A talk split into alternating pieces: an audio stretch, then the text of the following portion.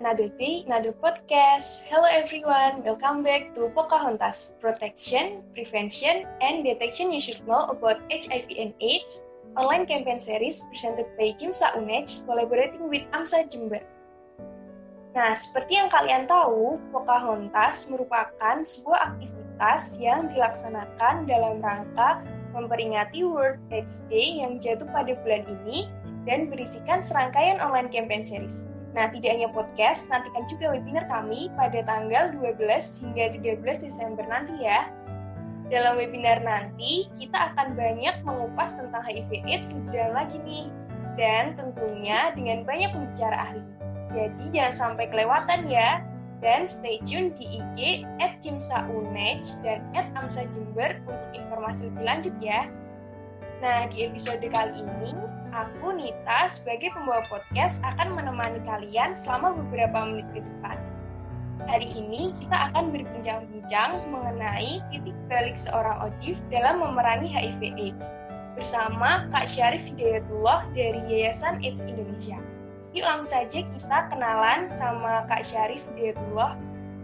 Halo, selamat sore Kak. Hai, selamat sore. Apa kabar Kak? Alhamdulillah luar biasa sehat-sehat. Alhamdulillah ya kak. Oh iya kak, mungkin bisa langsung sekalian memperkenalkan diri dan menyapa para pendengar setia kami. Oke, halo teman-teman, uh, kenalin uh, nama gue Syarif. Biasa teman-teman deket gue sih manggil gue Cubai, tapi kalian bisa panggil gue apa aja, mau Syarif mau Cubai bebas deh pokoknya.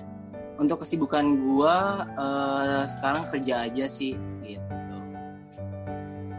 Oke oke kalau gitu uh, aku panggil Kak Syarif ya Kak. Iya boleh. Nah uh, alhamdulillah ya Kak kabar baik. Nah um, karena udah saling kenal nih, uh, mungkin kita bisa langsung aja move on ke sharing mengenai perjuangan dan titik balik dalam memerangi HIV/AIDS ya Kak. Iya boleh.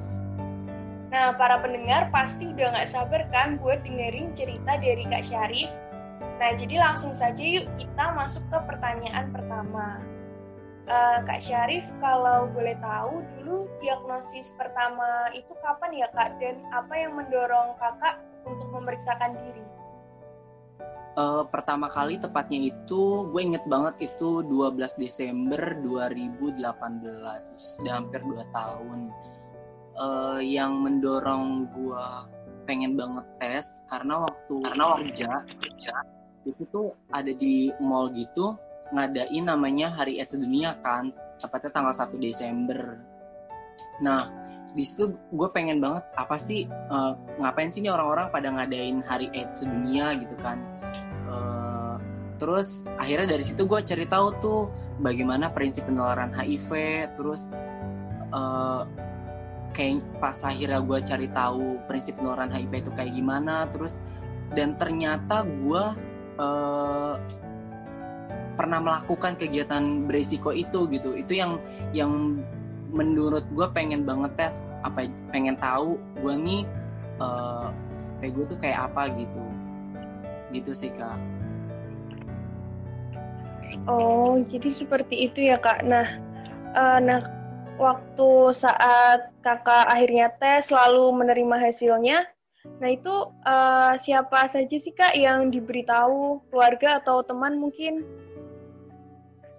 Yang pertama kali gue kasih tahu itu teman-teman deket ya karena sebelum tes pun gue uh, ngobrolin sama teman-teman gue kayak gue pengen tes HIV nih gitu kan. Dan temen gue tuh kayak lu mau ngapain tes HIV? gitu. Emangnya lu ngelakuin yang aneh-aneh? gitu kan. Uh, karena ya mereka mikir gue yang anak yang nggak pernah ngelakuin kegiatan beresiko gitu kan. Sedangkan yang tahu gue pernah ngelakuin kegiatan beresiko kan gue sendiri gitu kan. Nah akhirnya gue bilang ke temen gue gue mau tes HIV dan akhirnya uh, pas tahu hasilnya positif itu pertama kali yang gue bilang itu sahabat sahabat temen. Kalau untuk keluarga itu pasca dua minggu pasca dua minggu setelah treatment ARV baru bilang ke orang tua. Hmm, begitu ya kak. Nah kalau dari sahabat sendiri responnya gimana kak setelah tahu? uh, pastinya kaget ya satu kaget sampai bener-bener yang eh, nggak uh, percaya gitu loh kayak ah serius lu kok lu bisa dapat dari mana gitu? Pokoknya oh pertanyaan-pertanyaan yang sering tergelontar di pikiran gue terus sampai dia tuh bingung kok bisa ya? Ah paling itu hasil tesnya bohongan. Nyampe bilang kayak gitu kan. Bener kok gitu kan. Karena kan uh, untuk tesnya aja di rumah sakit. Terus ya kali dah kalau misalnya hasil tesnya bohongan gue juga nggak yang gimana gimana gitu loh kak. Jadi banyak yang nggak percaya uh, sampai mereka mungkin gini kak nggak percaya karena kondisi keadaan gue tuh baik-baik aja terus mereka tahu gue positif itu kayak kaget gitu loh kaget Tapi kalau dari sahabat sendiri, uh, responnya maksudnya kaget tapi menerima positif gitu atau menghujat gitu kak? Syukurnya gue ada di circle pertemanan yang cukup baik. Teman-teman gue nggak yang gimana ya, uh, nggak ngehujat. Sampai detik ini pun nggak ada yang ngejauhin gue gitu. Mereka semua pada support gue dan ketika mereka tahu awalnya mereka nggak percaya. Terus kayak wah kayaknya ini prank nih atau bohong-bohongan doang. Akhirnya gue kasih tahu nih suratnya terus bukti-buktinya segala macem ya udah dia akhirnya percaya dan nerima gue sebagai uh, sebagai odif gitu kan uh, dan terlebih gue lebih apa ya lebih senangnya lagi nggak ada satupun dari mereka yang yang tahu sih itu sih kalau dari keluarga kak uh, sama seperti sahabat gitu atau ada yang berbeda kak? Uh, dari keluarga ya, dari keluarga. Uh, nih siapa sih yang pengen ada di satu keluarga atau anaknya yang positif HIV pasti nggak ada, apalagi uh, orang tua pasti kaget, uh, kayak kecewa itu udah pasti banget. Cuma mereka kembali lagi kayak uh, ngelihat kondisi gue yang nggak apa-apa gitu nggak papanya tuh nggak sakit terus nggak yang uh, berbaring tempat tidur itu yang membuat mereka kayak ini anak beneran gak ya? gitu. Terus guanya juga berusaha buat uh, ngeyakinin ngeyakinin dalam artian kayak uh, HIV tuh nggak menular secara gampang loh gitu. Uh, kayak gitu-gitu sih lebih ke edukasi kepada mereka. Justru mereka lebih support support gue terutama uh, nyokap gue sih gitu ya kalau ya kak kalau untuk perbedaan uh, sorry untuk uh, beberapa pertama kali itu kan ada sepupu gue ya. Sepupu gue yang gue bilang ke mereka itu sampai satu alat makan gitu kayak takut gitu. Karena mungkin mereka taunya HIV bisa nular secara gampang gitu kan. Sampai alat makan tuh dia takut gitu. Sepupu gue sampai makan gue inget banget. Itu sendok sampai ditanya ini sendok bekas siapa ya? Gitu. Itu gue inget banget sih. Cuma gue orangnya nggak yang pikir pusing banget ya. Ah dia belum tahu. Tugas gue harus nyari uh, harus kasih tahu ke dia supaya uh, dia ngerti gitu. Prinsip penularan HIV itu seperti apa gitu sih. Iya, itu masih sampai sekarang kak kejadiannya. Untuk... Maksudnya uh, sama sepupunya. Atau sekarang udah lebih biasa aja gitu kak? Uh, sekarang sih alhamdulillah udah enggak ya kak, karena uh, guanya juga udah ngeyakinin mereka, udah berusaha ngasih edukasi ke mereka, jadi mereka lebih lebih nerima gua sih sebagai odif gitu. Uh, nah, kalau dari kegiatan atau pekerjaan kakak uh, sebelum sama setelah terdiagnosis HIV ini, apakah ada yang berbeda kak? Atau ada rutinitas baru? Kemudian uh, pengobatan juga kak?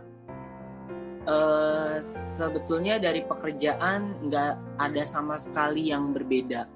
Nggak berbedanya gini, gue dari sebelum positif maupun setelah positif ya gue begini apa adanya gitu kan cuman emang gue ngalamin diskriminasi di tempat kerjaan gitu. Yang gue nggak pernah mikir ke situ akhirnya gue dapet dis, apa namanya diskriminasi tempat kerja. Itu yang yang gokil sih bener-bener gokil banget.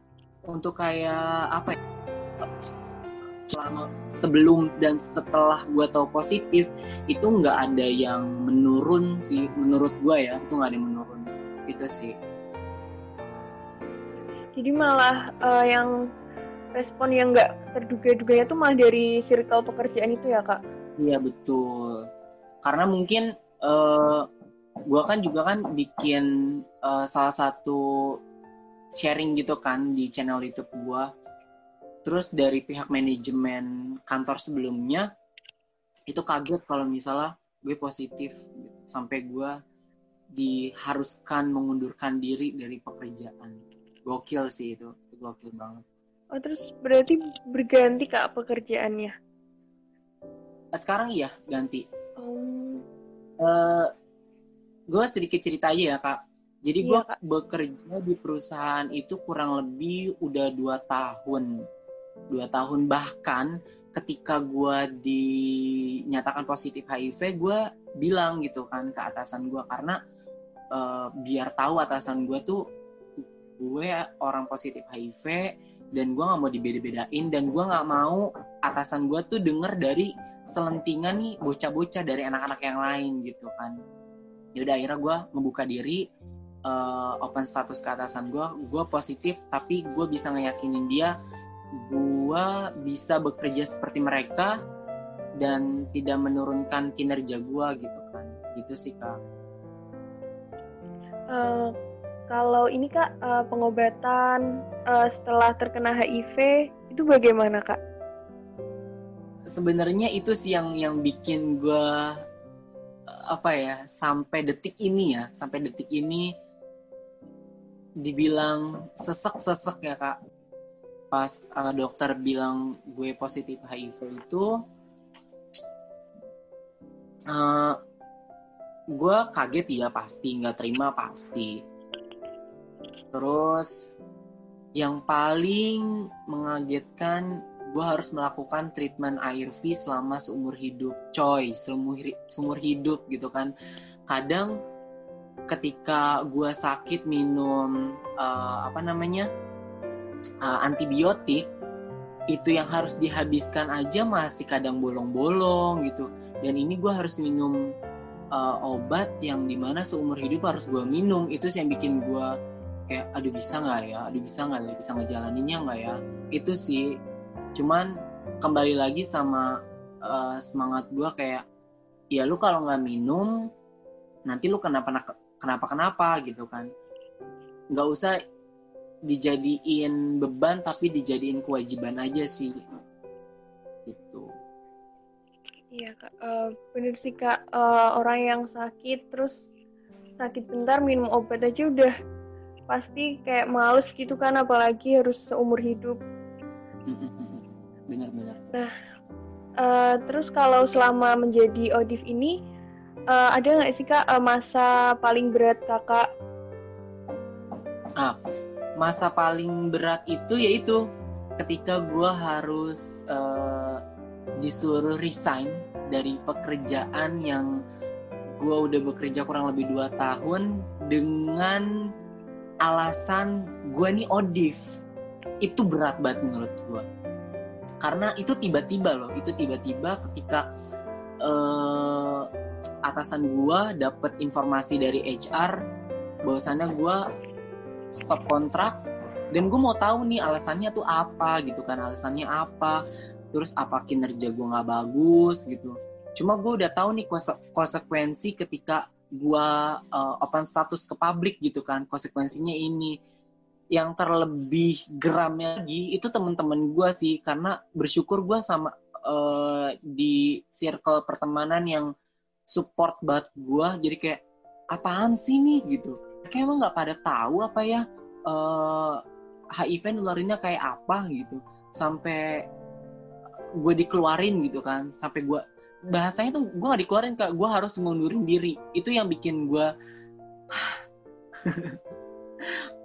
bikin gue down gitu loh. Cuma ya ya ini konsekuensi yang gue ambil ketika gue open status sih ke publik. Iya, tapi alhamdulillahnya dari sahabat-sahabat gitu masih tetap support ya, Kak. Iya, nah uh, pada saat uh, masa-masa sulit seperti itu, uh, yang berperan membantu kakak untuk tetap bertahan sampai sekarang ini siapa kak? Pastinya diri gue sendiri. Itu yang pertama, yang bikin bertahan diri gue sendiri karena ya kalau bukan diri gue ya siapa lagi gitu kan. Yang kedua orang tua karena orang tua gue terutama uh, mama gue nyokap gue tuh uh, menurut gue kayak dia tuh ngasih perhatian kecil yang berdampak besar. Contoh kayak minum obat gitu kan. Gue minum obat itu sekitar jam 10 malam kan. Jam 10 malam dan gue kan selalu nyalain alarm kan. Dan kalau misalnya gue belum minum dia tuh selalu nginep, uh, ngingetin gitu. Oh, udah minum obat atau belum? gitu. Minum obat dulu gitu. Itu kan masa itu kecil gitu kan. Perhatian kecil tapi berdampak besar gitu buat diri gue itu sih itu orang tua sama nyokap sama sama temen-temen sih sama sahabat-sahabat yang yang apa ya ya udah kalau misalnya mereka mereka nggak mau ada yang temenan sama lu ya udah gue gua gua ada kok buat lu gitu. Itu sih. Jadi diri gue orang tua sama sama sahabat-sahabat sih. Uh, keren banget sih kak. Nah uh, sedikit flashback ke sebelumnya ya kak. Nah dulu kan uh, kakak uh, awalnya bekerja di perusahaan itu kan dengan nyaman lah. Terus uh, tiba-tiba juga harus jadi odif dia minum obat. Nah kemudian juga pasti mendapat stigma negatif dari orang-orang sekitar kan ya kak? Nah itu uh, gimana kak uh, waktu itu? Dapat stigma negatif pasti pasti itu udah pasti. Cuman gue orangnya tipikal orang yang bodoh amat gitu e, karena ini kesalahan gue ya udah mereka mau berstigma negatif pun ya gue terima. Tapi lu nggak bisa mengeneralisir ke semua orang gitu cukup ke gue aja gitu. E, ada beberapa odif yang baru di misalnya dia berstigma negatif gitu kan dia pasti down gitu. Cuma kalau ke gue mah ya ya biarin aja. Tapi asal lu jangan ke semua odif gitu. Karena nggak semua odif bisa kayak gue gitu loh. Gue gue selalu pesan kayak gitu sih ke teman-teman gue stigma negatif yang pernah gue dapet kayak siapa suruh ngelakuin kegiatan beresiko? Rasain dah tuh. Kayak gitu-gitu sih.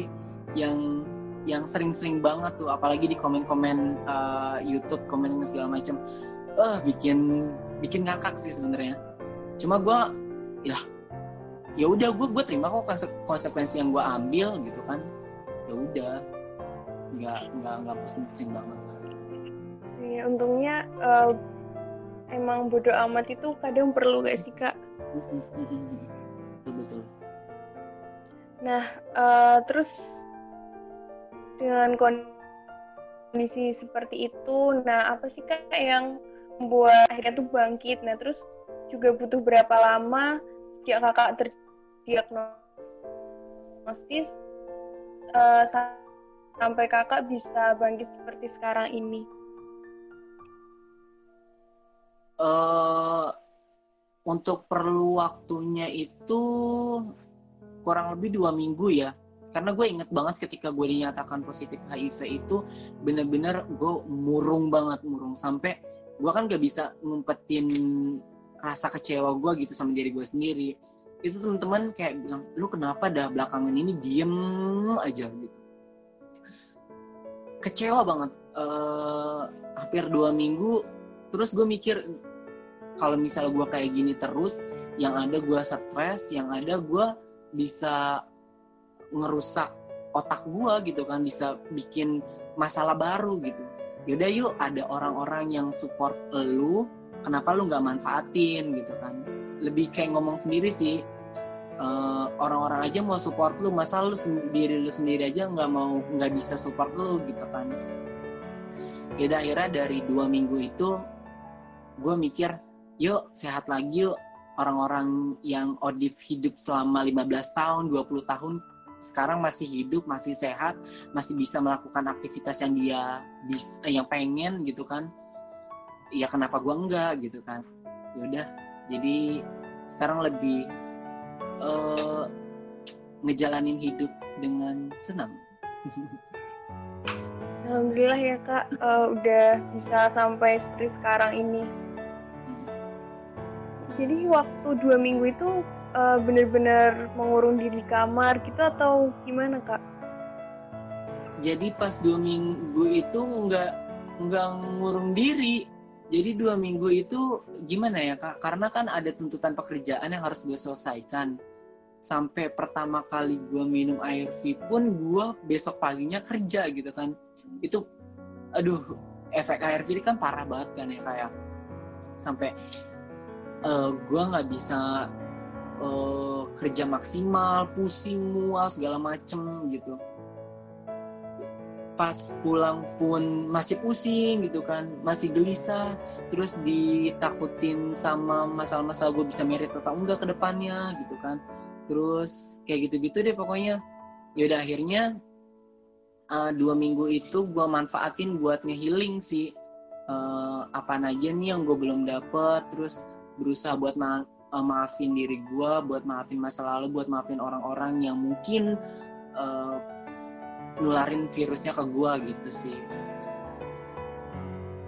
uh, luar biasa sih kak nah uh, terus setelah mengalami semua ini uh, mungkin ada pencapaian baru dalam hidup Kak Syarif, Kak?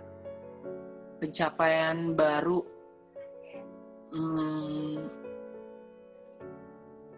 pengen merit sih. Semoga segera ya, Kak. Iya. Doain aja. Amin, amin. Ketawa ya semuanya. amin, amin. Amin, amin. Nah, uh, sekarang kan Kak Syarif ini tergabung dalam Yayasan AIDS Indonesia ya, Kak. Nah, kalau boleh tahu, uh, dulu tuh gimana sih Kak bisa mengenal, lalu akhirnya bisa bergabung dengan Yayasan AIDS Indonesia ini? Jadi waktu itu kenal tahu itu waktu dia ngadain acara hari hari AIDS dunia tahun lalu kalau nggak salah tahun lalu. Terus akhirnya uh, eh, gue belum terbuka tuh sama mereka mereka kalau misalnya oh. Iya masuk okay. kak.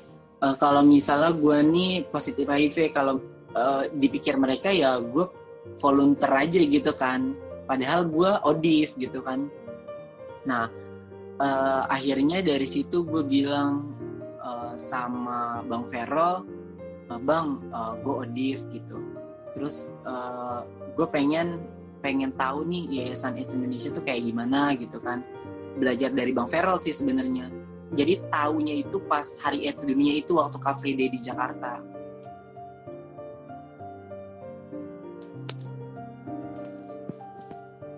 Oh jadi uh, tahunnya itu barusan tahun lalu gitu ya kak? Nah, iya, kalau sejak tahun lalu bergabung, ada nggak sih kak keuntungan dari bergabung di Yayasan AIDS Indonesia itu sendiri? Uh, lebih apa ya? Lebih mengetahui informasi-informasi yang gue belum tahu sebelumnya. Akhirnya gue tahu sih di Yayasan uh, Indonesia tuh ternyata ada loh lembaga swadaya masyarakat yang yang apa ya, yang sama kayak gue gitu kan. Jadi gue nggak sendirian dan bikin gue termotivasi kayak oh ternyata gue nggak sendirian ya ada orang-orang juga jadi tenang aja. Jadi ternyata sangat berarti gitu ya kak bagi Odif Yayasan AIDS Indonesia ini. Mm-mm, sangat sangat membantu banget. Di pertemanan gue ini kak enggak ada yang odif kebetulan. Jadi ketika gue mau sharing nggak ada yang selaras gitu loh. Nggak ada yang kadang nggak ngerti apaannya apaannya gitu kan. Bahasa bahasa bahasa bahasa anak odif gitu kan kayak undetectable atau apa segala macem. Nah ketika gue gabung di uh, yayasan AIDS Indonesia ini lebih kayak banyak sharing sih terutama ke Bang Feral gitu. Sebelumnya juga waktu di puskes tuh gue di uh, digabungin ke KDS kan kelompok dukungan sebaya cuman karena nggak ada yang sefrekuensi nggak ada yang bikin gue ah kayaknya nggak seru nih anak-anaknya gitu. Akhirnya gue nggak gabung ke mereka mereka cari tempat yang nyaman jauh lebih asik kan gitu. Jadi akhirnya cari-cari yayasan uh, AIDS Indonesia anak-anak asik-asik. Ya udah akhirnya gabung di situ. Keren keren oh ada bahasa tersendiri ya kak buat odif gitu uh, maksudnya gini loh kayak kalau uh, non audif kan kayak nggak ngerti kayak undetectable apa terus viralut apa di mereka mereka nggak nggak pada tahu hmm. ya kan? Uh, uh. terus kalau orang yang pasti yang gabung di satu LSM atau apalagi anak-anak uh, Yait pasti ngerti. Uh, sebagian pasti pasti bakal ngerti. Dan gue buat ngomongnya buat TikTok pun agak lebih enak gitu loh. Gitu sih saya sangat membantu ya kak uh, yayasan ini. Nah ada ini nggak kak pengalaman yang menarik selama bergabung di yayasan AIDS Indonesia? Pengalaman yang menarik itu mereka merangkul semua uh, pengalamannya apa ya? Hampir setiap pengalaman menarik. Pada intinya gini, mereka tuh merangkul semua golongan sih gitu. Gitu sih mau yang anak-anak mau yang mungkin uh, apa namanya orientasi seksual mereka berbeda itu lebih lebih dirangkul sih. Itu yang menurut gue pengalaman yang gue belum pernah dapat dan gue bisa dapat di situ gitu sih. Hmm, oh kalau dari kegiatannya apa aja kak? Uh, yayasan uh, selama kakak bergabung di yayasan AIDS ini? Uh, dia lebih ngadain campaign. Karena gue nggak begitu aktif ya kak di di Heights ini. Uh, jadi sesering sesering nggak sering-sering banget sih kak. Hmm. Nah uh, mungkin nih jadi pertanyaan terakhir ya kak Nah, uh, mungkin kakak bisa ngasih tips and trick nih buat teman-teman yang mungkin lagi kesusahan juga uh, dan lagi berjuang juga melawan HIV ini? Uh, poin